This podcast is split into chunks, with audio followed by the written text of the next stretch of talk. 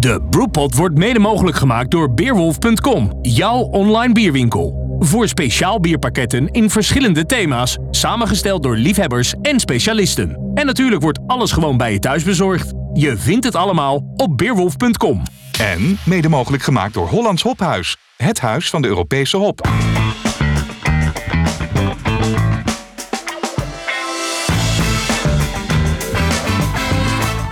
Welcome to the Brewpod. Dames en heren, hartelijk welkom bij de Bierradio Brewpot, de 20ste editie alweer. En we zijn vandaag te gast in Purmerend in het prachtige biercafé De Bonte Koe. Een van de mooiste biercafés van Nederland. En eh, daar praten we vandaag met eh, de mensen van SNAP, de Stichting Noord-Hollandse Alternatieve Bierbrouwers. Die eh, dit jaar eh, eigenlijk al 31 jaar bestaan. Maar ja, we vieren vandaag een beetje de 30 jaar bestaan. Daar gaan we straks veel meer over vragen aan Peter Kost, de voorzitter en een van de partners van SNAP. Die we daar eens even pittig over aan de tand gaan voelen. En we hebben te gast als influencer, invloedrijke bierman Derek Walsh. Die gaan we als eh, ja, man die eh, biertype-expert is, bierkeurmeester is, redacteur, schrijver, docent nou, en nog veel meer. Kortom, die gaan we daar eens even heel pittig over ondervragen. Bierradio duurt een uurtje, bestaat ruwweg uit vier vaste onderdelen. We beginnen met het laatste biernieuws. Daarna gaan we naar onze hoofdgast, Peter Kost. En die ondervragen we over 30 jaar snap. Vervolgens interviewen we Derek Walsh. En we eindigen met het laatste rondje. Bierradio.nl Biernieuws. Vanaf de redactie van Biermagazine.nl Peter Kost, een van de mannen van Snap. Wat is eh, het belangrijkste biernieuws eh, van de laatste week eh, volgens jou? Het belangrijkste biernieuws. Ja. Dat is de, de, ja, de, de, de, de- hoe noem je dat? Het, eh, het introduceren van ons nieuwste bier, het jubileumbier. Kijk, nou, daar komen we straks uitgebreid op terug. Eh, uiteraard gaan we het daarover hebben. Eh, de Triomf. De- Een eh, prachtige, prachtige triple, maar daar, daar komen we straks op terug. Dirk, wat is voor jou het, het belangrijkste biernieuws van de afgelopen week? Ja, voor mij is het eh, het uitwerken en ontdekken van de Cold IPA. Ook een mooie... eh, ik weet toevallig waar je dat voor doet. eh, volgens mij voor Brouw Magazine. Dat zou kunnen. Ja. Ja, heel goed. Eh, laat ik er eens een paar noemen van het, het nieuws van afgelopen week. Directie en management van de Tesselse Bierbrouwerij vertrekt. Hebben jullie dat meegekregen? ja, ik heb er ook van gelezen. Wat We hebben heel kort daarvan? samengewerkt. Hm. Verrassend, maar een heel fijne man. Een heel sociaal en heel, volgens mij, professioneel leider in Ja. het bedrijf. De cijfers eh, eh, blijken toch een beetje in de rode, rode sfeer te zijn gekomen. Eh, Het is natuurlijk overgenomen door Heineken. Ja, klopt. Ja, ik Zou heb dat het, nieuws, iets, ik heb het nieuws Zou dat iets met elkaar te maken hebben of denken jullie van niet? Dat de klad in zit eh, door de horeca, door corona. Daar Ja. hebben ze gewoon heel veel eh, aan horeca geleverd in het verleden. En eh, ik denk dat ze daarmee heel, erg- heel erg veel verloren hebben. Ja, ja.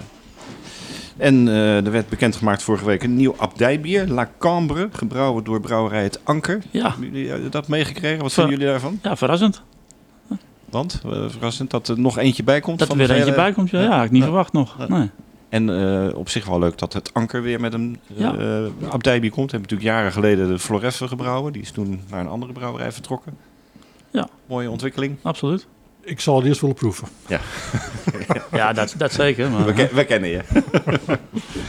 en wat ik ook eh, opmerkelijk nieuws vond. eh Stibon breidt uit naar Noord-Nederland. Daar weet Dirk natuurlijk wel meer van. Jij bent docent bij, eh, bij Stibon. Ja, ik denk Noord-Nederland moet je in de hoek van Groningen gaan kijken. Ehm, daar wordt veel gedaan. In het verleden is ook wat gedaan op, op Texel zelf. Ja. Ehm, ik denk met name in het noord, noordoosten van Nederland. Ja, Drenthe gaan ze ook naartoe, hè? volgens mij naar Assen. En, Ja. eh, ja. Ja. Ik, eh, ik, nogmaals, ik, ik, ik ben docent. Ehm, ik ben niet eh, betrokken bij de organisatie Nee. in, inhoudelijk. eh, en ook niet qua planning. Hm. Maar ehm, ik weet dat ik dan een aantal lessen moet gaan geven in Groningen omgeving. Nou, ja, kan je vast een treinkaartje kopen. en eh, ja, ook een beetje uit de eigen prochie preken. eh, een nieuw boek eh, op de markt gekomen, Tour de Trappist, van George Nelis en Frank Stouten. Hebben jullie daar al iets van meegekregen? Van gehoord, maar niet gezien. ja, voor mij geldt hetzelfde. Ja, nou, dan moeten we dan maar snel verandering inbrengen. Ja, want het is absoluut. Een prachtig mooi boek. Eh, en tot slot, wat ik ook opmerkelijk nieuws vond. eh, de inschrijving van de achtste Dutch Beer Challenge is geopend. Ja. Gaan jullie eh, als SNAP nog inschrijven? Ik hoop het wel, ja. Dirk, eh bent natuurlijk al jaren betrokken eh, vanuit de biertype omschrijvingen. ook bij veel wedstrijden. Ja, ehm, ik heb een paar klanten die eh, bezig zijn om te kijken in welke categorieën ze bier kwijt kunnen. Ja. Dat is altijd een probleem als de bieren niet eh vlijmscherp in een categorie passen, dan eh, waar moeten ze er wel naartoe? Ja, ja, ja, ja. Dat is bij alle wedstrijden zo. Ja, dat geldt voor ons ook. We doen, we doen niet mee als we niet zeker weten of die in een categorie past. Nee, nee, nee. Je moet wel de, de kans hebben om te Ja. winnen. En eh, als je niet in de stijl past, dan wordt het Ja. toch vaak lastig om te winnen. Ja. Maar een prachtig initiatief voor de Dutch Beer Challenge. En Ja. eh, ja, nogmaals, we hopen weer mee te kunnen doen. Nou, hartstikke mooi. Dat was het nieuw, het biernieuws. Bierradio.nl Biernieuws. Vanaf de redactie van biermagazine.nl. Kijk we zijn, ook op eh, bierradio.nl voor het laatste biernieuws. We zijn eh, hier te gast, eh, zoals ik al zei, in Purmerend bij eh, het prachtige café De Bonte Koe.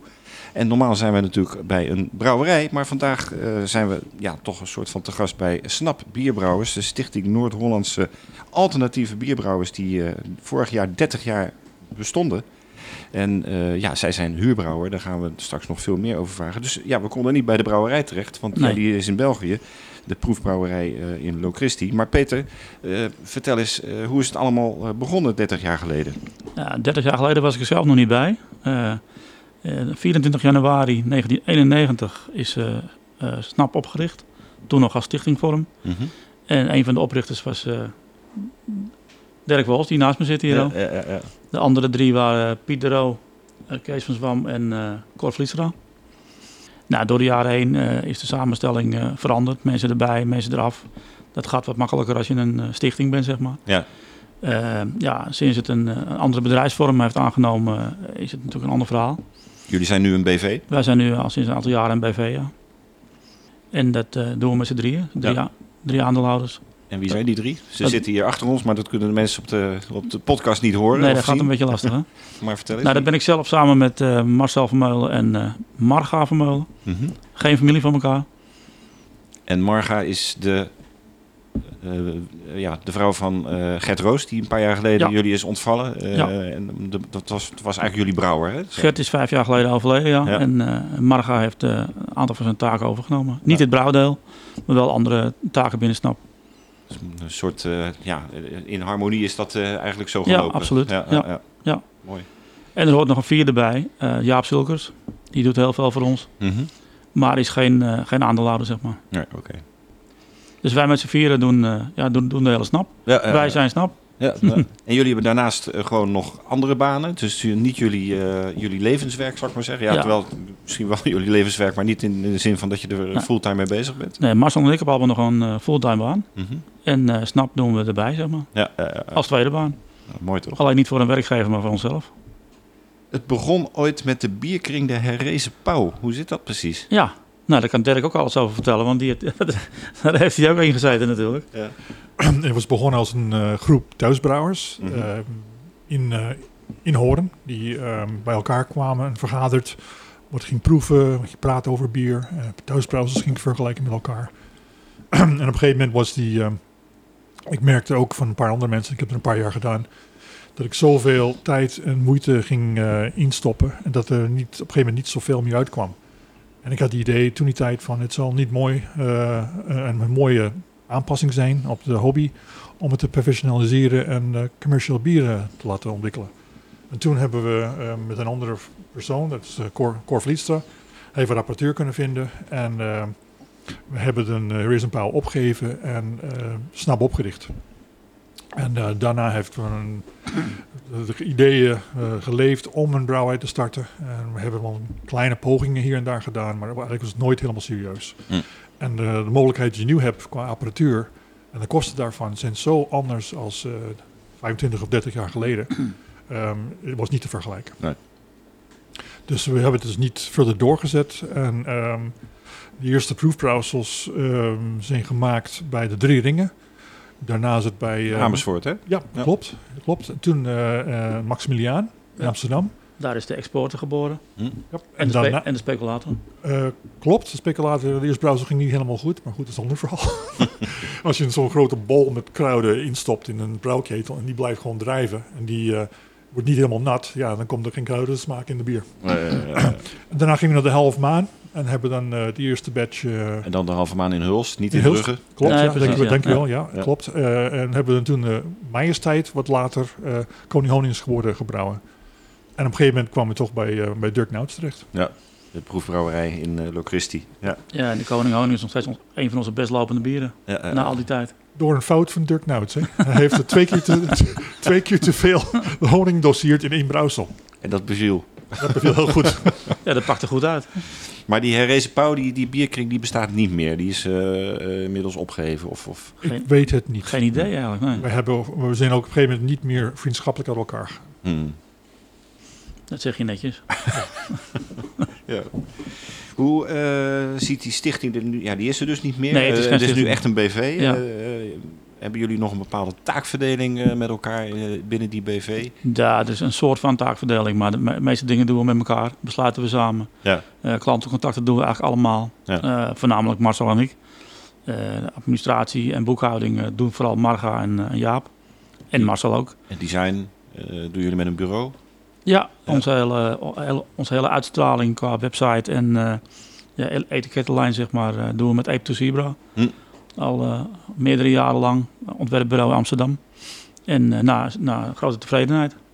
Mooi, mooi. Ja, Gert Roos, we hebben hem al genoemd. Hij was natuurlijk jullie brouwer. in 2017 overleden. Hoe, hoe groot is zijn gemis? Heel groot. Ja, nog steeds. Niet alleen als kennisdrager, maar ook als vriend. Hm. Ja, dat, dat denken we nog steeds regelmatig aan. Helemaal als er weer een nieuw bier uitkomt, zeg maar. Ja, Dat had het mooi geweest als hij dat had eh, mee kunnen maken. ja nou ja, misschien eh, dat hij in de bierhemel eh, nog stilletjes met jullie Ja, wie, meegeniet. wie weet, wie weet. Hè? Jullie ontwikkelen nog steeds bieren in jullie eh pilot brouwinstallatie. Ja. Hoe werkt dat en waar is die installatie? Hoe werkt dat? Nou, we verzinnen eerst, we gaan eens bedenken wat voor soort bier het moet worden, Ja. uiteraard. En als het, eh, ja, het stipje op de horizon staat, wat, wat het moet, eind, eindproduct moet zijn, dan gaan we kijken van hoe kan je dat bereiken? Welke ingrediënten kan je daarvoor gebruiken? Welke gist, welke hop, welke mout? En dan gaan we proefbrouwsels maken. En de laatste keer met, eh met eh, Triumph, is, eh, Triumph is Dirk er ook bij betrokken geweest. Maar voor, voordat we over de triomf gaan praten, die, die ik heb uit betrouwbare bron begrepen dat dat ergens in een badkamer gebeurt. Ja, dat is bij Marga thuis in Haarlem.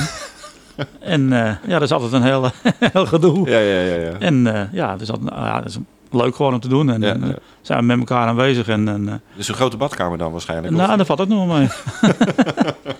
we kunnen er niet met z'n allen tegelijk in, laten we het zo zeggen. En staat dan de ketel achter het douchegordijn? Of, eh, ik, probeer maar iets te visualiseren. nou, op een, gaat, op een tafel voor het open raam. Ja, ja, ja. Voor het open raam. Ja. Nou, mooi, prachtig. Nou, maar is altijd mooi. En, Ja. en daar worden dus de, recepten nog steeds ontwikkeld en de bieren geboren. Dus Dirk, die komt ook regelmatig in de badkamer bij morgen. Dirk is een eh, laatste...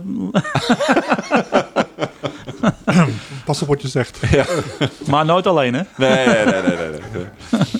Nee, maar laten we het eens- inderdaad eens hebben over het prachtige bier dat wij hier eh, in ons glas hebben. De Triomf. Dirk, proost. Peter, proost. Ja, ik heb een glas water. Dat is jullie, eh, jullie jubileumbier ter gelegenheid van het 30 jaar bestaan. Hoe, hoe, hoe is dat gegaan met de ontwikkeling, eh, zeg maar? Nou, dat is wel een leuk verhaal. Door de jaren heen, wat je weet, eh, meerdere bieren op de markt gebracht. En elke keer als er een nieuw bier aan zat te komen, hoorden we altijd heel vaak, nou, het moet nou toch wel een keer een triple worden. Want die hadden we nog niet. Nee. Zoals we geen pils, geen wit bier, geen dubbel hebben, hadden we ook geen triple. Nee. Dus dan hebben we toch maar gemeend om voor het jubileumbier een, een triple te ontwikkelen. Maar dan een triple eh, anders dan anders. Ik heb Ja. hier geproefd en het is een geweldig mooi bier. Misschien moet Dirk eens wat toelichten eh, als medeontwikkelaar van eh, hoe, Nou, is we, dit, hoe is dit ontstaan? we wilden dus absoluut geen standaard triple hebben. Nee. We hebben een keer een hele leuke proeverij gehad bij Marcel thuis. Daar was Dirk ook bij aanwezig. Hadden we 30 trippels gekocht. Uit binnen- en buitenland.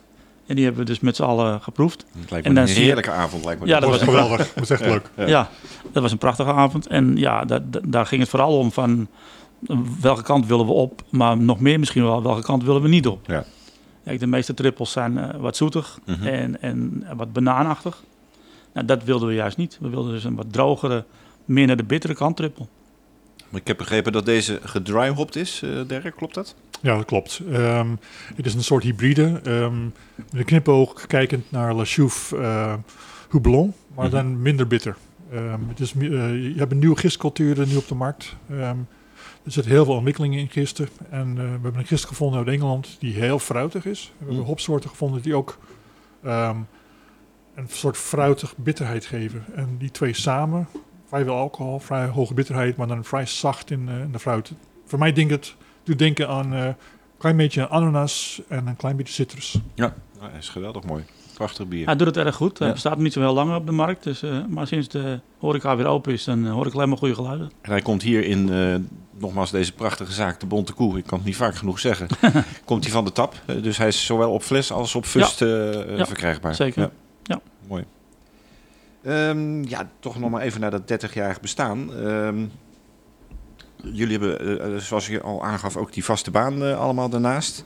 Is, is, is na 30 jaar snap, is het nou nog steeds een hobby? Of is het echt een bedrijf? Of is het een combinatie van die dingen? Ja, het is, het, is, het is natuurlijk wel een bedrijf, qua bedrijfsvorm. Maar het is ook nog steeds een hobby. ja.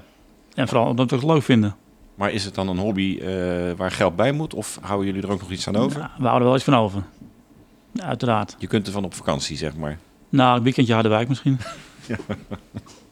Nee hoor, maar dat is het doel helemaal niet. Nee, nee, nee. Het moet, er moet genoeg eh, overblijven om eh, lekker door te kunnen gaan. Ja, ja, mooi. Ja, eh, SNAP staat voor alternatieve bieren. We hebben het al een paar keer genoemd. Wat was 30 jaar geleden een alternatief bier en, en, en hoe is dat nu? Eh 30 jaar geleden was een alternatief bier een, een biertype of een biersoort die in Nederland niet of nauwelijks op de markt was. En daarbij ook gebruik maken van, van grondstoffen die niet gebruikt werden in Nederland, zoals aparte hopsoorten. Ja, precies.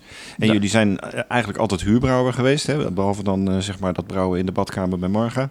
Maar eh, waar zijn jullie begonnen met brouwen? Je noemde al Hulst, je noemde al Maximiliaan. Dat, Ja, we hebben bij, eh, wat Dirk net al zei, eh, de, de, de exporter en de speculator zijn eh, bij Maximiliaan staan. Eh, wat vroeger de Koning Honing is ontstaan bij eh Halve Maan. Mhm. De Maalstroom, toen we tien jaar bestonden, is bij de Scha- Schans in uh, Van. Ja. In uh, Horen? Oudhoorn. Oudhoorn. Ja, ja, ja. ja. Dat is alweer twintig jaar geleden trouwens. 21 jaar geleden. Ja, ja, ja, ja. Ja, Tijd vliegt. Ja. ja maar en sinds, sinds 1995 eh, brouwen we constant eh, bij de proefbrouwerij in. Ja, ja, ja. Naar Met- volle met- tevredenheid. Met de uitzondering van het ene uitstapje bij eh, de Schans. Ja, ja, ja, ja. Ja, zeker naar volle tevredenheid. Dat is gewoon een prachtige brouwerij en een heerlijke mensen ook. Die eh, ook weten wat wij, eh, wat wij willen en ook van ons van advies kunnen, advies kunnen geven. Hm. Aanvulling kunnen we mee sparren. Het wordt wel een, een procestechnologiefabriek genoemd. Ja. Het wordt ook wel een van de beste brouwerijen ter wereld genoemd. Dirk Nouts is daar natuurlijk de hoofdbrouwer, de eigenaar. Ja, Daar hebben jullie allemaal goede ervaringen mee. En Ja. Het is niet voor niks dat jullie daar steeds terugkomen. ja, gewoon door de constante kwaliteit. Ja. En Dirk Nouts is al een paar keer uitgeroepen tot beste brouwer ter wereld. Hm. En waar hij zelf helemaal niks van wil weten. Nee, nee, precies. Een hele bescheiden man. Bescheidenheid. Ja. Ja. Ja. Ja, prachtig. Nee, dat is naar volle tevredenheid. En Ja. we hopen er snel weer een keer naartoe te kunnen. Eh, eh, oh, ja? oh, dat betekent dat er een nieuw bier aankomt. Nee hoor, gewoon Ja. om de contact even aan te Ja, houden. ja, ja. eh, Oké. Ehm, als je ziet hoeveel prijzen jullie bieren al gewonnen hebben, dan ja, word je daar toch wel een beetje stil van. Maar de laatste paar jaar even niet. Hoe, hoe komt dat? Nou, dat, is, eh, dat is, heeft heeft één reden. Dat we niet in wedstrijden meedoen. Nu even en als je niet meedoet, dan win je ook niet. Nee, precies. Nee, eh, eh. gaat daar verandering in komen? Nou, dat hoop ik wel, ja. Ja. ja. Maar wat je zegt, we hebben heel veel, heel veel prijzen gewonnen in binnen- en buitenland. En dat, eh, ja, dat streelt je toch altijd weer. Ja. Als, je, als je ziet dat ook de, de, echt de, de kenners, zeg maar, ons bier gewoon goed waarderen. Ja. ja. Overigens, eh, ja, de proefbrouwerij in Locristi in België eh, is een, een Belgische brouwerij. Eh, jullie zijn natuurlijk een Nederlandse huurbrouwer. dus er wordt nog wel eens gezegd van ja, eigenlijk is het Belgisch bier. Hoe kijken jullie daar tegenaan? Nou, daar zijn we het niet mee eens. Kijk, het bier wordt in Nederland ontwikkeld, zoals ik net vertelde, in, met test, testbrouwen. Het wordt alleen in, in België in een ketel gebrouwen en, en, en gelagerd. En afgevuld. Maar de receptuur is van jullie. En daarna, jullie de receptuur is van ons. Daarna komt het weer naar Nederland toe en hier wordt het verkocht. ja. Dus zo zien wij het niet. Nee, precies. Nou ja, nog maar een keertje terug naar Dirk Wos, die hier natuurlijk ook aan tafel zit. eh, die in het begin bij SNAP eh, nauw betrokken is geweest. Maar eh, hoe is het contact nu met hem? ze, kijken, ze kijken elkaar aan. Wat zullen we nu eens zeggen? We hebben sporadisch contact. We zijn eh, alsnog vrienden. Ehm, ik heb het best wel druk met een paar andere klanten. Ehm, vooral met receptontwikkelingen en ook met eh, lesgeven bij eh Stibon en af en toe workshops, Mhm. privé. Ehm, ja, het afgelopen jaar is het heel, heel bijzonder geweest. Anderhalf jaar lang zijn we gewikkeld in het eh, traject om de bier eindelijk van de grond te stampen. Ja. En de, De triomf. Triumph, ja. En de, de eerste brouwsel was ik niet helemaal goed thuis met de brouwinstallatie. En ik wou te veel van vragen en dat ging niet goed. We hebben alles aangebrand en alles weggegooid. Nog een brouwsel gemaakt. ehm, en dat was eh, niet helemaal juist qua hopkeus. Toen hebben we het nog een keer gedaan. En ehm, dus het is een drie, Triumph. Ja, Ja, En, en die is dus... al het eh, goede komt in drieën, toch? Ja. Eigenlijk wel, ja. Ja. En, en het was zeg maar voor 90% wat we wilden. Eh er zat nog een beetje met de helderheid. eh, en voor de rest was het wel goed. ja. En dan hebben we daar op een gegeven moment eh, met Dirk Nauts overlegd eh, gedaan. Bij Marcel uh, Vermeulen thuis. Met, z'n- met z'n allen zaten we daar. En we hebben erover gesproken en over eh om, het te, om het te verfijnen. En, eh, ja. Dat is één op één. Als ik nu proef, is het, het is beter dan de proefbrouwsel. Hm. Maar het Ja. lijkt er veel op. Jullie zijn eh, gewoon tevreden over het resultaat. Absoluut. Maar je vroeg eigenlijk hoe de verhouding tussen Snap en Ja, was. hè? ja. Nou, wat mij betreft is dat nog steeds goed. En we, Ja. we spreken elkaar regelmatig. Sommige periodes weer niet. Nee. En ja, en, eh, en andere, andere periodes weer wat regelmatiger. En, eh, wij vonden het leuk om Dirk eh, na 30 jaar weer eh, bij het nieuwe bier te betrekken. Leuk. Ja, ja, ja. Dat is ook heel leuk om mee te doen. Ik, ik word- was echt geconfronteerd met mijn eigen kennis en, eh, en onkunde tegelijk. Zo. maar het was wel een, een, een leuk traject. Ja. Eindelijk gelukt. Mooi. Ehm, jullie hebben een vast assortiment, Peter. Eh, ook veel wisselende bieren. Vertel eens even kort, hoe ziet jullie assorti- assortiment eruit? En, en wat is zeg maar de handtekening van jullie, eh, van jullie bieren? Eh, het assortiment is eh, ja, vrij eh, breed, zeg maar. We hebben nu met dit nieuwe bier erbij 14 bieren. Eh, dat gaat van, wat we net al zeiden, de exporter bestaat trouwens niet meer, ons eerste bier. Dat is later de rook geworden. Een, eh, een, rookbier. een rookbier, ja. Ja. Eh, eh, Pale Ale, eh, Koning Honing, een honingbier, speculator. eh Maalstroom, eh Oxhoofd, Maastrum is een, Am- American Barley Wine, ja, lekker Eh. zware. En die wordt eh, gezien eh, bij Stimon als een referentie. referentie in de stijl. Hè? Dat, eh, We hebben een Oxhoofd, dus een, een Oxhoofd Piet, dat hebben we ook nog. Daarnaast hebben we Speculator, Sinterklaastijd en maar liefst drie bokbieren. Ja, welke brouwerij heeft er drie bokbieren? Ik ken ze niet. nee, nee. Nee, En eh, welke drie zijn dat dan? De, je hebt een, een, een, een vat gerijpte volgens mij. De en een, ijsbok. Een, ja, we zijn, is begonnen met de ezelbok. En die bestaat ook al sinds 1995. ongeveer. Vaak prijswinnend geweest. Ja. ja. Ja, in binnen- en buitenland. Eh ezelbok is eh, een basis, zeg maar. Mhm. Eh, da- daarna, daarna komt de ijsbok. Dat is de, de ingevroren versie van de ezelbok, zeg maar. Ja, ja. En de ijsbok hebben we dan weer ge, ja, eh, ijsbok hout van gemaakt. Ja, Met, met hout gelagerd. Niet op hout, maar met hout. En is dat altijd eh, eh, hetzelfde soort hout? Proberen jullie nog steeds wel dezelfde eh, Ja. stabiliteit en, Ja. in te krijgen van dat bier? Dat, het is niet elk jaar een ander bier, zeg maar. Nee, het is elk jaar hetzelfde bier. Ja. En er is één jaar geweest, een aantal jaren geleden. Dat was bij, eh, ik weet niet meer welke verkiezing het was. Toen vielen alle drie de bokbieren in de prijs. Kijk. Weet je nog, Dirk? Was het een verkiezing of een keuring? Weet ik niet meer. Dat was in Utrecht toen die prijsuitreiking. Oh, dat zou kunnen. Dat zou kunnen. Ik, ik, nee, ik heb het niet eh, helder voor mijn geest. Nee. Nee, maar geen. Maar die, die bieren hebben veel prijzen gewonnen. En jullie bestseller, de hardloper, dat is die Koning Honing? Ja, het hele jaar door wel, ja. Ja. ja. En de bokbier in de bokbiertijd uiteraard. Maar de- het bier wat we het hele jaar door eh, brouwen en verkopen, dat is de, dat is de koninghoning. Hm. Dat kan ik wel zeggen, ja. Ik denk dat die Triomf, die natuurlijk nu net uit is en die we hier in het glas hebben, dat zou ook wel eens een hele Ja, ik hoop het. goede Ja. bestseller kunnen worden. Ja. Er is natuurlijk altijd veel behoefte aan trippels. Eh, dus het Ja. groot publiek houdt daarvan. En, maar Ja. deze is zo smaakvol. Nou ja, laten we het hopen. Huh? Geweldig. Ehm, wat ook opvallend is, dat jullie veel bieren afvullen op 37,5 eh, centiliter fles. Zeg maar die, die halve champagneflesjes, Ja, die geuzenflesjes. geuzenfles, ja. ja. Wat, wat eh, is de reden daarvan? Hoe zijn jullie daartoe gekomen? Nou, dat doen we vooral met onze seizoensbieren. Dat is de drie bokbieren en de speculator. Om, eh, ja, om toch onderscheidend te zijn met onze andere bieren. Al onze andere bieren worden afgevuld in Steinies. Weten bekend als de bekende ja, ja, ja. Maar we wilden graag voor de, voor de, voor de seizoensbieren een ander type, ander type fles hebben.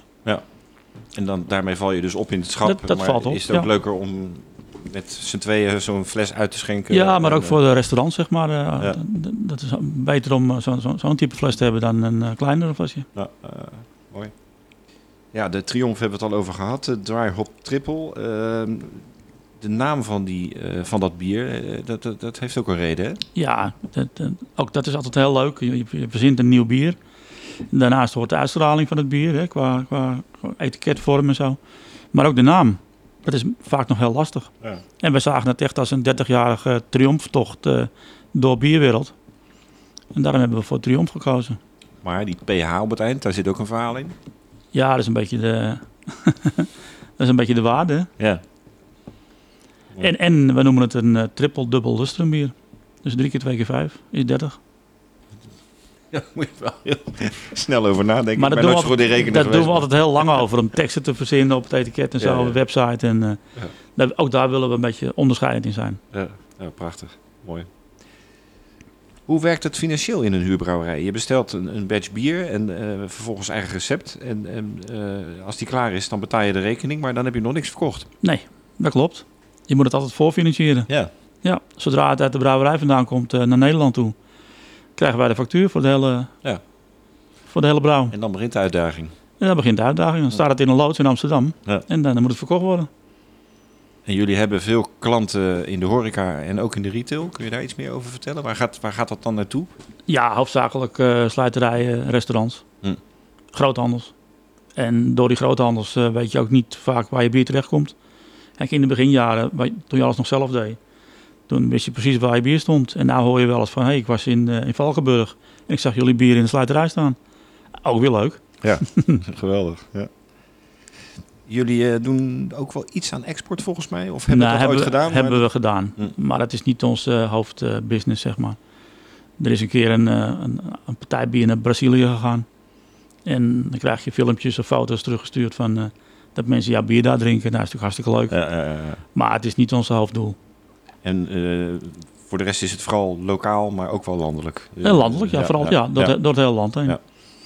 Er heeft een keer in een café in, in Rome hebben twee bieren op tap, op tap gestaan. Hoorde ik van niemand. Hm. En, eh, ja. Geweldig. Wat zijn de ambities voor de komende 30 jaar bij Snap? De zit komende het, eh, 30 jaar. Hoe zit het met de opvolging bij jullie? Nou, vooralsnog doen we het met dit groepje wat we hebben. Ja. En, en ja, we kunnen goed met elkaar vinden. Een goede samenwerking. En ja, nu- niet echt over nagedacht nog. je, je hoort nooit te vragen naar leeftijden, maar eh, jullie zijn ook niet meer eh, zeg maar de dertigers. Ik ben twee keer de leeftijd dat snap bestaat. Kijk. Ja. nee, maar goed, hebben jullie kinderen die wellicht later... Ik heb geen eh, kinderen. Marcel wel. En Marga ook. Dus dat zou eventueel kunnen dat die misschien in Ja. de toekomst... eh, nou, er zit er iemand erachter nee te knikken. Marcel. Nee, die hebben andere interesses. ja, ja, ja. Nee, dat zie ik niet gebeuren. Nee. Dus dan zou het toch een keer Heineken moeten zijn of Swinkels of ja, eh, wie weet hè. Ja, dat ze het merk van jullie overnemen. wie weet. Nee, voorlopig vinden we het leuk en gaan we gewoon lekker door. Ja, eh, eh. En het, mag niet, het mag niet verdwijnen. Nee, wat mij betreft niet. Nee, Nee. nee het zou zonde zijn. Hartelijk dank, Peter Kost van Snap. Graag gedaan.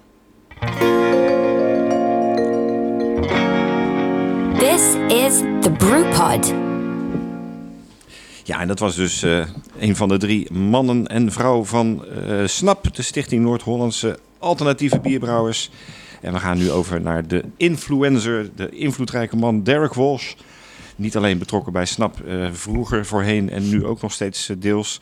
Maar hij is vooral biertype-expert, bierjudge, bierkeurmeester, redacteur, schrijver, receptenontwikkelaar, docent bij Stibon. En nou ja, misschien vergeet ik nog heel veel andere dingen, maar hij is in ieder geval heel veel met bier bezig. Dirk, eh, welkom ook hier in de Bonte Koe. Jij bent van oorsprong Canadees, maar hoe ben je nou eigenlijk in Nederland terechtgekomen? Ja, met het vliegtuig waarschijnlijk, maar eh, hoe, zit dat? Met een vliegtuig uiteraard van de maatschappij waar ik vroeger voor werkte. Ik mocht een, eh, bij die maatschappij niet meer bestaat, uh, Canadian Pacific Airlines, eh, mocht ik eh, één keer per jaar een open ticket gebruiken en die moest ik opmaken. En ik had familie in eh, Amsterdam-Noord wonen en ik ben gewoon voor de kerst overgevlogen. En toen zag ik een lange blonde dame en dat was het. Toen ben je hier gebleven. Nou, dat, dat niet. Ik heb wel een twee jaar lang een, een relatie gehouden. Heen en weer vliegen om de paar maanden. En uiteindelijk besloten, omdat ik mijn baan toen uh, kwijtraakte bij de maatschappij. Want het ging helemaal niet goed met die maatschappij. Nee. Om toch te immigreren naar Nederland. En eh, En je bent nog steeds met diezelfde lange blonde dame? klopt, klopt. Astrid.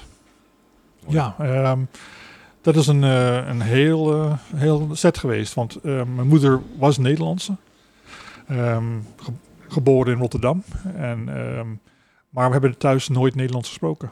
Oké. Dus ik was een heel ommez- ommezwaai voor mij. Ja, eh, eh. Nou, dan weten we in ieder geval eh, waar je vandaan komt en hoe je hier terecht bent gekomen. Maar nou wil ik toch weten, hoe is jouw liefde voor bier ontstaan en wanneer? Ehm, twee keer van hetzelfde familie. Ehm, mijn moeder had een eh, vriendin. Die was getrouwd met een Oekraïense man. eh, zijn achternaam is Wereshinsky. En die heeft me voor de eerste keer, denk, denk toen ik misschien negen of tien was, met vissen in bij de Hollandse Marsh, ten noorden van Toronto, een bier laten proeven. Een IPA. Op mijn negende of tiende. Ja, ja mocht niet, maar goed. Hm. En eh, veel later, ehm, ik denk toen ik ehm, ehm, 21 was of zoiets, heb ik bij zijn zoon gelogeerd in Saskatoon, Saskatchewan. En hij had een- in zijn kelder appartement had die bier gebrouwen. Heb ik mijn eerste thuisgebrouwen stout gedronken. Ik was meteen om. Dat zal ik nooit vergeten. en hoe oud was je toen, zei je? Ik denk 22, Ja, zoiets. toen, toen mocht het wel. Toen mocht het zeker wel, ja. ja, ja.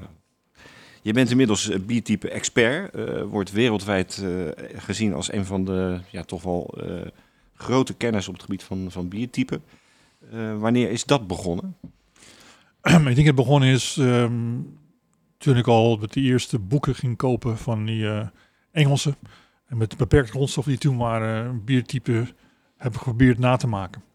Want ik wil gewoon snappen wat ik aan het doen was. En ik wil gewoon alles wat ik deed vastleggen en proberen te verbeteren. Dus het, het is gewoon een aarde van de beest. Dus ik ging steeds graven, graven, graven. Hmm. Je bent daarna eh, eh, ook gerespecteerd bierkeurmeester geworden, bierjudge. En eh jureert wereldwijd in eigenlijk vrijwel alle bierwedstrijden. word je voor uitgenodigd om daar aan mee te doen. Hoe word je bierkeurmeester? Ehm, ik heb het toen gedaan op twee momenten tegelijk. Ehm, ik heb opleiding gevolgd in Nederland. Dat was een amateuropleiding voor amateurbierkeurmeesters. En ik heb een examen gedaan in Toronto bij de Beer Judge Certification Program. En door, door beide te slagen, ehm, de ene heb ik slapend gehouden, BJCP, voor, eh, voor 20 jaar. En bij Nederland heb ik dan eh 20 jaar lang amateurbrouwsels gekeurd. Hm. En eh, in 99 ben ik begonnen met commercial bier te keuren. Wat doet een bierjudge? Kun je eens uitleggen voor de mensen die dat minder goed weten? Eh, het gaat om de kwaliteit van bier, maar het gaat natuurlijk vooral ook om brouwfouten, smaakafwijkingen. Past een bier in zijn stijl? Kun je daar eens wat meer over uitleggen? Hoe je daar als bierkeurmeester mee, mee omgaat? Ehm, met commercial wedstrijden werk je normaal gesproken niet alleen. En meestal zit je op een tafel met een groep mensen met een eh, reeks richtlijnen van die wedstrijd. Die bepaalt welke biertypen eh, aan bod komen en hoe die bieren horen te zijn. En dan heb, dan heb je een moment dat je dan meestal zonder overleg het bier gaat eh, voorproeven, maak je aantekeningen.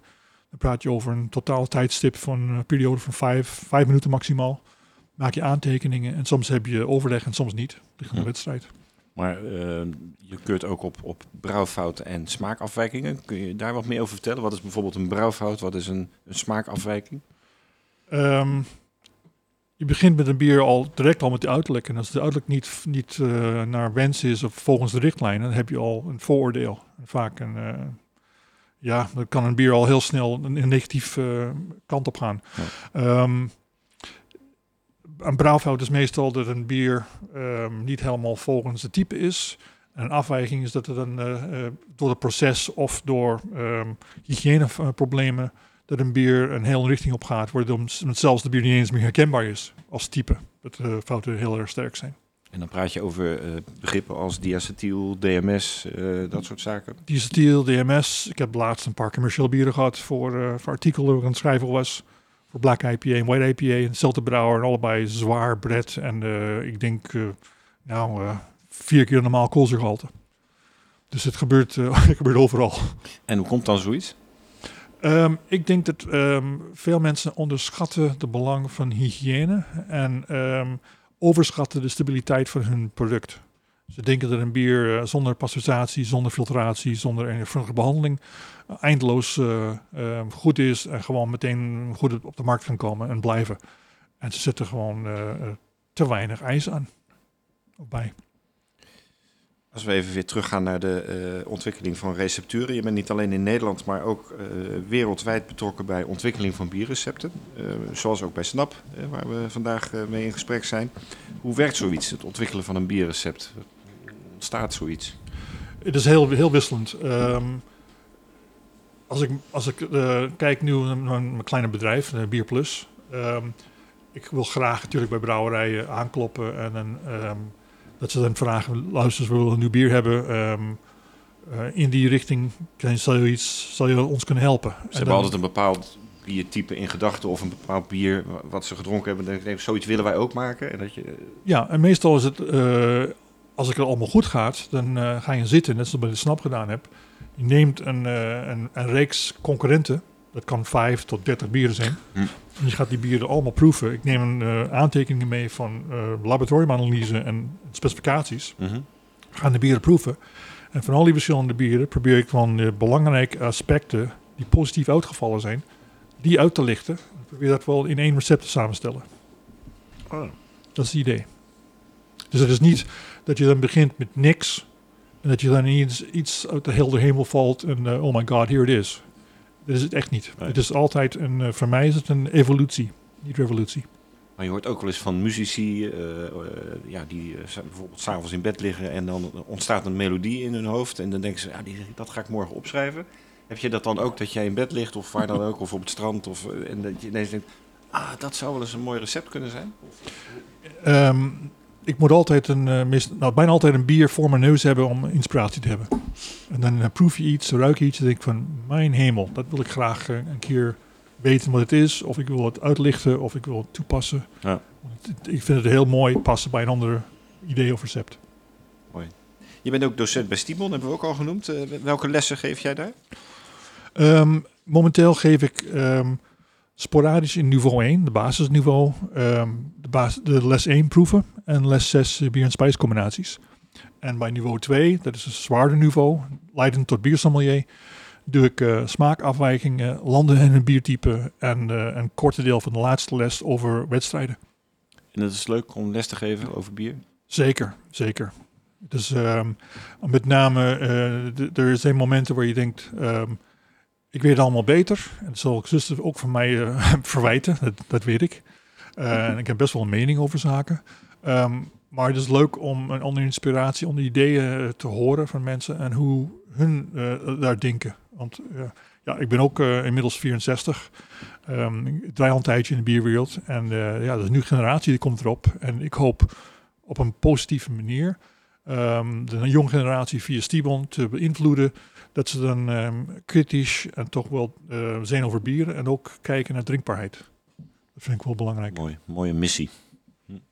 Zo'n twintig jaar geleden schreef jij De Biertype Gids. Een, eh, een bestseller die nooit eh, herdrukt is. En nog steeds een gewild exemplaar is op internet en in, op, op allerlei marktplaatsachtige omgevingen. Hoe ontstond het idee van het schrijven van dat boek? Ehm, diezelfde ja, per- perfectionistische eh, obsessie dat ik heb. Dat ik, dat ik heb nieuwe leren mijn leven en ook eh, probeer te temperen. Ehm, ehm, ik wilde gewoon steeds meer weten over bier die ik aan het proeven was als bierjudge en ook aan het eh, brouwen was als amateur bierbrouwer. En ik wil dat allemaal bij de hand hebben. Je had toen geen smartphones, geen andere mogelijkheden. Dus ik denk, ik moet een boek hebben waar alles in staat. Ja. En die was er niet. Nee.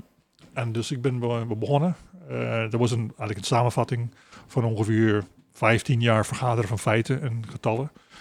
En ehm, ik heb een uitgever benaderd en eh, gevraagd van, zal je het willen? En toen hebben ze gezegd van, nou, schrijf die boek maar. En dan kom maar terug en dan kunnen we overleggen. Ik zei, nee, eh, ik ga geen jaar eh, zitten achter de, achter de pc of om iets te schrijven dat, dat je niet gewild, Nee. niet, niet wil hebben. Dus, en op een gegeven moment met een beetje badgeren en een beetje lastig zijn, heb ik het over elkaar kunnen krijgen. En de eerste uitgave was 2000 stuks. Die was eh, op, uitverkocht in drie maanden. Toen was de tweede druk 1000 stuks. En die is blijven staken op 350 kopieën. Maar ik was al verzadigd. Dus eh, Zo, zo ging dat toen. Zo, zo weinig biergeeks waren er nog. eh, het was een heel andere wereld, hè? heel Ja. andere markt. Ja, ja, ja.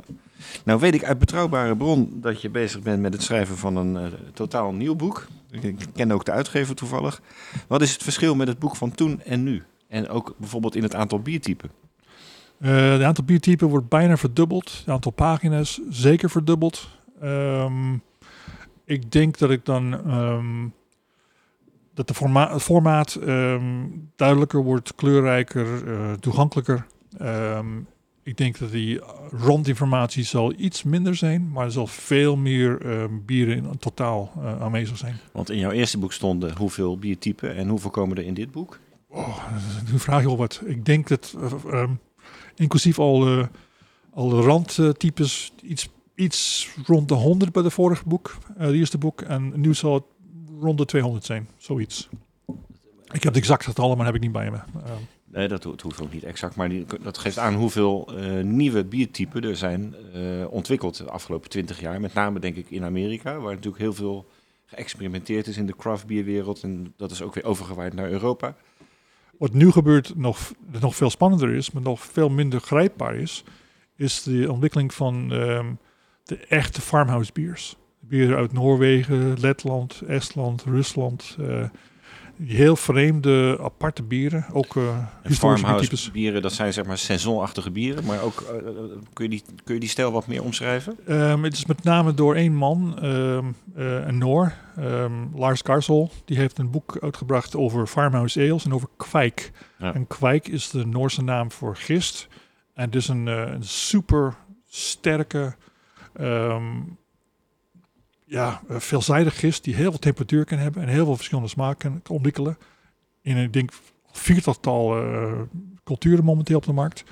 En daar zit eh, de meeste ontwikkeling in, in de bierwereld. Naar mijn mening op dit moment. Interessante nieuwe, nieuwe ontwikkeling die door veel brouwers gevolgd wordt. Een aantal brouwers hebben ermee geëxperimenteerd. Ook klanten van mij hebben het gedaan. We hebben het een paar keer gedaan. Ehm, niet altijd met de resultaten we voor ogen had. Maar ehm, er zit er nog veel toekomst in. Heel veel mogelijkheden. en die komen dan ook, die stijlen, in jouw nieuwe boek. Ja, de kwijk op zich is die niet een stijl. ehm, maar de historische biertypes... eh, Ja, de farmhouse variaties. Ik denk dat kwijk zal gen- zeker genoemd worden. Maar het is meer ehm, de historische biertypes die uit eh, Duitsland en andere landen komen. Die komen ook bij. Maar bijvoorbeeld, eh, ik heb het net eh, vier weken geleden...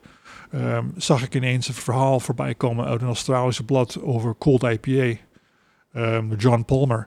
En ik dacht, hey, ik heb het voorbij zien gaan een paar keer, maar zeg me even niks meteen al ingedoken in die verhaal en eh, geproefd. eh begonnen een artikel te schrijven voor Brown Magazine. ehm, en bij een klant meteen een set ontwikkeld. En die staat nu de tank te gisten. wauw. Zo Ja. snel kan het gaan, hè, Ja, vier ja, weken. En jij volgt alles. Je, er, is, er ontgaat jou niets. niets. Oh, dan gaat me veel, maar er is zoveel. Ja. dus het is niet allemaal te omvatten meer. Nee. Wanneer gaat je nieuwe boek verschijnen? Er is veel behoefte aan bij bierbrouwers en biersommeliers. eh. De hoop is eh, eind dit jaar. Het is heel veel werk en het is echt een, een, een, lastig verhaal om te, denken, want ik ga er zitten en ik ga er stampen, stampen, stampen. Want ik ga dus weken en maanden tijd in zitten. Ja. Maar het, het, gaat, het heeft zeker aandacht en het gaat komen. Mooi, mooi. Je bent eh, als bierkenner, en ik ken jou natuurlijk ook al jaren, eh, eigenlijk altijd vaktechnisch bezig. En je hebt wel eens gezegd, ik kan eigenlijk nooit meer normaal van een bier genieten. Want ik ben altijd aan het analyseren, ik ben altijd aan het keuren. En is bier drinken dan nog wel leuk? Dat is een heel eh, geladen vraag. ja, voor die, voor die effect natuurlijk wel. Ehm want alcohol is best wel lekker. Zo'n heel, heel lichte roest te hebben. Lekker ontspannen van. Hm. Ehm, het is wel een probleem. Het is een beroepsprobleem. Eh, niet hoeveelheid alcohol per se. ehm, maar het gaat om, ehm, kan je rustig zitten en van een bier genieten zonder na te denken. Ja. Kort geleden is er een uh, Brown Magazine artikel verschijnen eh, aan de hand van eh, Rick Kempen. Ik heb het hem overleg eh, over gehad. En eh, we hebben het gehad daar over Nothing Box bier. Ja. En een, eh, voor mij, dat is een, eh, een echt moment, een rustmoment. Als ik een bier, bijvoorbeeld eh Augustiner Edelstof eh, uit Duitsland, uit, eh, uit München, ga drinken, dan ehm, gaat er zo'n eh, kleine boxje open in mijn hoofd. En dan mijn ogen zijn open, ik ga een ademhalen en de rest gebeurt er niks. Het is gewoon geweldig. Ja. Want de, de bier heeft geen fouten. Het is gewoon super. Ja, eh, ultiem gevoel dat eh, heel veel mannen denk ik wel, en vrouwen herkennen. Ja, het is niet een man-eigen ding. Nee. Natuurlijk, als je de Nothing Box opzoekt, dan gaat het over mannenhersens versus vrouwenhersens. Maar Ja. ik denk dat dat wel te eenvoudig is. Ehm, maar ehm, bijvoorbeeld als ik een Schneider Aventinus drink, dat is een everything box bier. Ja. Die is ontwikkeld Zo ook complex. ja. die is ook ontwikkeld in, net eh, op het begin van de vorige eeuw ehm, als een bier voor vrouwen. Aventinus was gemaakt voor die vrouw eh, van eh Schneider Brouwerij. Oké. Nou, geweldig. Zo leren we nog weer eens wat. Tot slot, eh, Dirk, wat zijn de dingen waar jij nu en de komende tijd vooral eh, mee bezig bent? Eh, welke invloed wil je als influencer de komende tijd gaan uitoefenen? Ehm, ik wil die ehm, de terugkomst en eh, groei van lagers proberen te ondersteunen en te promoten. Ik denk dat het wel belangrijk is. Ik denk dat we te veel nu ehm, met die hazy grapefruit juice producten, dat noemen ze, noemen ze bier. Mhm. Goed, ehm, ik ben er niet blij mee. Ehm, ik vind het ook niet fris, ik vind het ook niet doorslessend. Ehm, zeker geen nothing box toestand en het is in duur. Dan heb je het over nijpaas en dat soort eh, Ja, bieren. die soort dingen. Ja. ja. Je bent, je bent er niet helemaal enthousiast over, zie je. Nee, ik ben er eigenlijk eh, helemaal tegen. Ja. Ik, ik denk dat het gewoon... eh, ehm, we hebben jaren geleden gehad over speciaal bieren. En dat moest dus eh, eigenlijk bovengistend zijn en niet Ja. ondergistend. En nu komen, hebben we nu ehm, een ommezwaai gema- gemaakt naar eh, alles moet troebel zijn, alles moet te veel hop hebben. En het is net alsof je, als je rondkijkt, je ziet mensen allemaal met die glazen met grape, grapefruit juice. Hm. En het is, ehm, die keuze is nu, naar mijn gevoel, bijna minder dan toen bij de lagers. De pilsners. Maar je ziet wel in ook de Nederlandse craftbierwereld de, de hang van brouwers om toch inderdaad steeds meer met lagers te gaan experimenteren. Dat is wel een goede ontwikkeling, toch? Ik, ben heel blij mee, want lager is, is niet beperkend. Ehm, de, de biertypes eh, die, die breiden zich uit. Cold IPA is een voorbeeld daarvan. Het is het absoluut eh, yin en yang tegenovergesteld van Nijpa. Ehm, het is fris, het is krokant, het is eh, het mooi bitters, het heeft een, ehm, een mooie helderheid. Het is gewoon een, een heel nieuwe ontwikkeling. En het is een ondergistend bier. Denk je dat, dat eh, supermarkten bijvoorbeeld veel meer zouden moeten gaan doen met, met lagers? Naast de Bira Moretti's en, en de Heinekens en de, de grotere pilsmerken, zeg maar. eh, moeten de craft lagers ook een plekje krijgen in de, in de schappen? Dat zou fijn zijn. En eh, de vraag is ook van, wat zal ze, hoe zal ze kiezen en welke zogenaamde craft lagers passen erin? Hm. Want dat kan een, eh kan een zijn, kan een Vienna zijn, kan ook een Hilder, een Hilder Bock zijn. Hm. Er zijn allerlei variaties op, eh, op craft lagers. hoeft niet craft pils te zijn. Nee, precies. Maar ehm, dat zou fijn zijn. En ik denk dat het ook ruimte geeft, een uitdaging voor, eh, voor kleine of middelgrote brouwers. En ben jij daar ook als biertype eh, eh, en recepturen eh, specialist bij betrokken, bij brouwers, om daar nu aan te werken? Ik heb wel, ehm, er komt al één bier aan over een ma- paar maanden. Eh er wordt een hyb- hybride, het wordt een soort een kwijk, maar wel met lager trekjes. Ehm, en eh, er staat nu één bier bij een van mijn klanten, een cold IPA te gisten. je mag niet zeggen welke dat is. Maar ik kan beter niet zeggen. Nee. Dat is dan weer jammer, hè? nou, de- ik weet dat de marketingman heeft een, een, zijn handen vol om er allemaal goed, goede baan te leiden. Dus ik wil niet zo'n, een gras voor zijn voeten wegmaken. Nee, nee, logisch, logisch. Alle begrip voor. Dankjewel, Dirk. Graag gedaan. Ja, en zo zijn we alweer bijna aan het eind van de, de 20ste Bierradio Brewpot gekomen. En eh, de trouwe luisteraars die weten dat we dan altijd even overstappen naar het zogenaamde laatste rondje. En eh, dat zijn altijd een beetje gekke en leuke, eh, prikkelende vragen. Peter, wat is het eh, belangrijkste nieuws waar jullie als SNAP nu mee bezig zijn? Nou, eh, sinds de horeca weer open is om eh, ons bier weer eh, te promoten, zeg maar. En wat breder weg te kunnen zetten, hopelijk. En dan met name die prachtige, ja helaas is het glas leeg, maar die prachtige, die prachtige triomf, die, eh, Ja, ja daar, gaan gaan we, jullie volop... eh, daar gaan we ons best voor doen. focussen. Maar ook de bieren die niet meer gebrouwen zijn de laatste paar jaar door, Ja. door coronatijd. Om die weer terug, te, terug te halen, zeg maar. Dirk, wat vind jij de beste ontwikkeling op biergebied in Nederland? Oh, dat is een heel interessante vraag. Ehm, verse lagerbieren, Waar je het net over had eigenlijk. Ja. toevallig wel, ja. Ja. Verse, met name verse bieren. Wat we nog niet zien in Nederland is een soort koude keten. Dat zal heel mooi zijn. Dan kan eh, de bieren met veel hop en eh, ehm, veel beter eh, naar buiten komen en veel beter in conditie blijven. Mhm. En hun hoge prijs ja, ja, goed, goed maken. Ja, ja. Peter, welke bieren drink jij zelf het liefst? Oh, dat is heel verschillend. Het hangt van de situatie af of van het jaargetijde. Ik eh, ben heel breed georiënteerd wat dat betreft. Ik heb niet echt een voorkeur voor een type bier. Nou, eh, het is nu eh, februari. wat, eh, wat is nu jouw, eh, jouw, jouw favoriete bier in deze tijd van het jaar? Van onszelf of uh, daarbuiten? Ah, wat je zelf wil. Nee, ik vind van, van onszelf vind ik onze Maalstroom vind ik gewoon erg mooi. Ja. Mooi, warm, eh, ja, heel breed eh, bier met mooie balans in geur en smaak. En daarbuiten? Buiten jullie eigen merk? Eh, ja, ik koop eigenlijk van alles, van alles wel wat. Hm. Niet, niet echt een favoriet. Nee. Ik, ja, ik, ik ben wel vooral van de trippels. Ik, ik zal niet zo gauw een, een, een, een dubbel of zo gaan, eh, Hm. gaan drinken.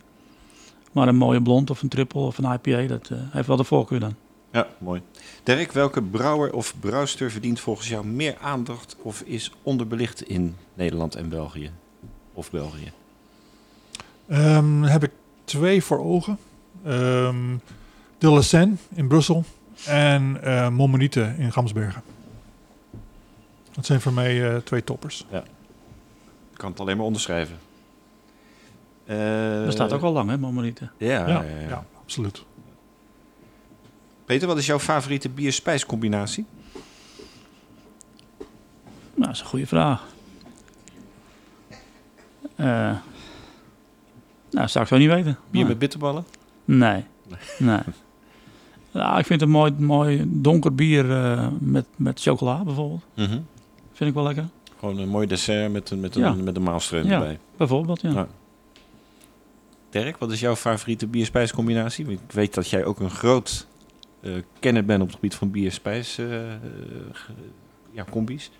Ja, er, zijn wel veel, maar heel snel ehm, een, eh, een comté kaas met, eh, met dubbel triple hop citra vind ik een heel mooie. Of een eh, heel misschien een, eh, een eh, Spaans eh, manchego met hetzelfde, hetzelfde bier. En waarom? Eh, Probeer eens uit te leggen waarom. Ik snap het wel een beetje, maar Ehm, beschrijf het eens.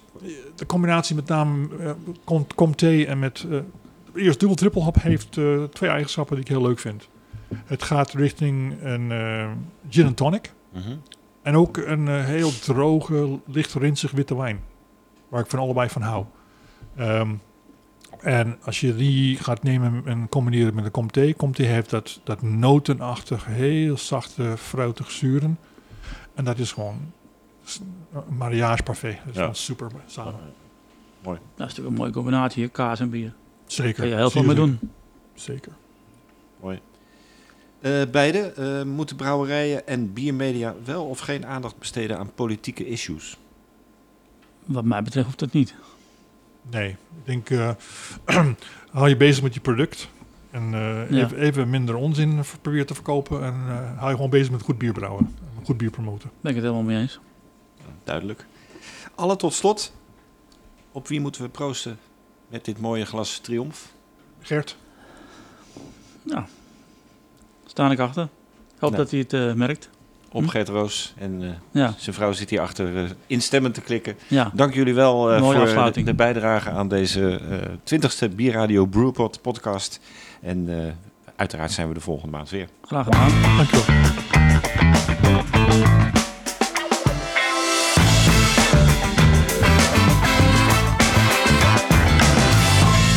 De Brewpot werd mede mogelijk gemaakt door Beerwolf.com, jouw online bierwinkel. Drink jij je bier het liefst van de tap? Dan is er nu de Sub Thuistap. Met een wisselend aanbod bier. Van pils en blond tot Weizen en IPA. En natuurlijk wordt alles gewoon bij je thuis bezorgd. Je vindt het allemaal op Beerwolf.com.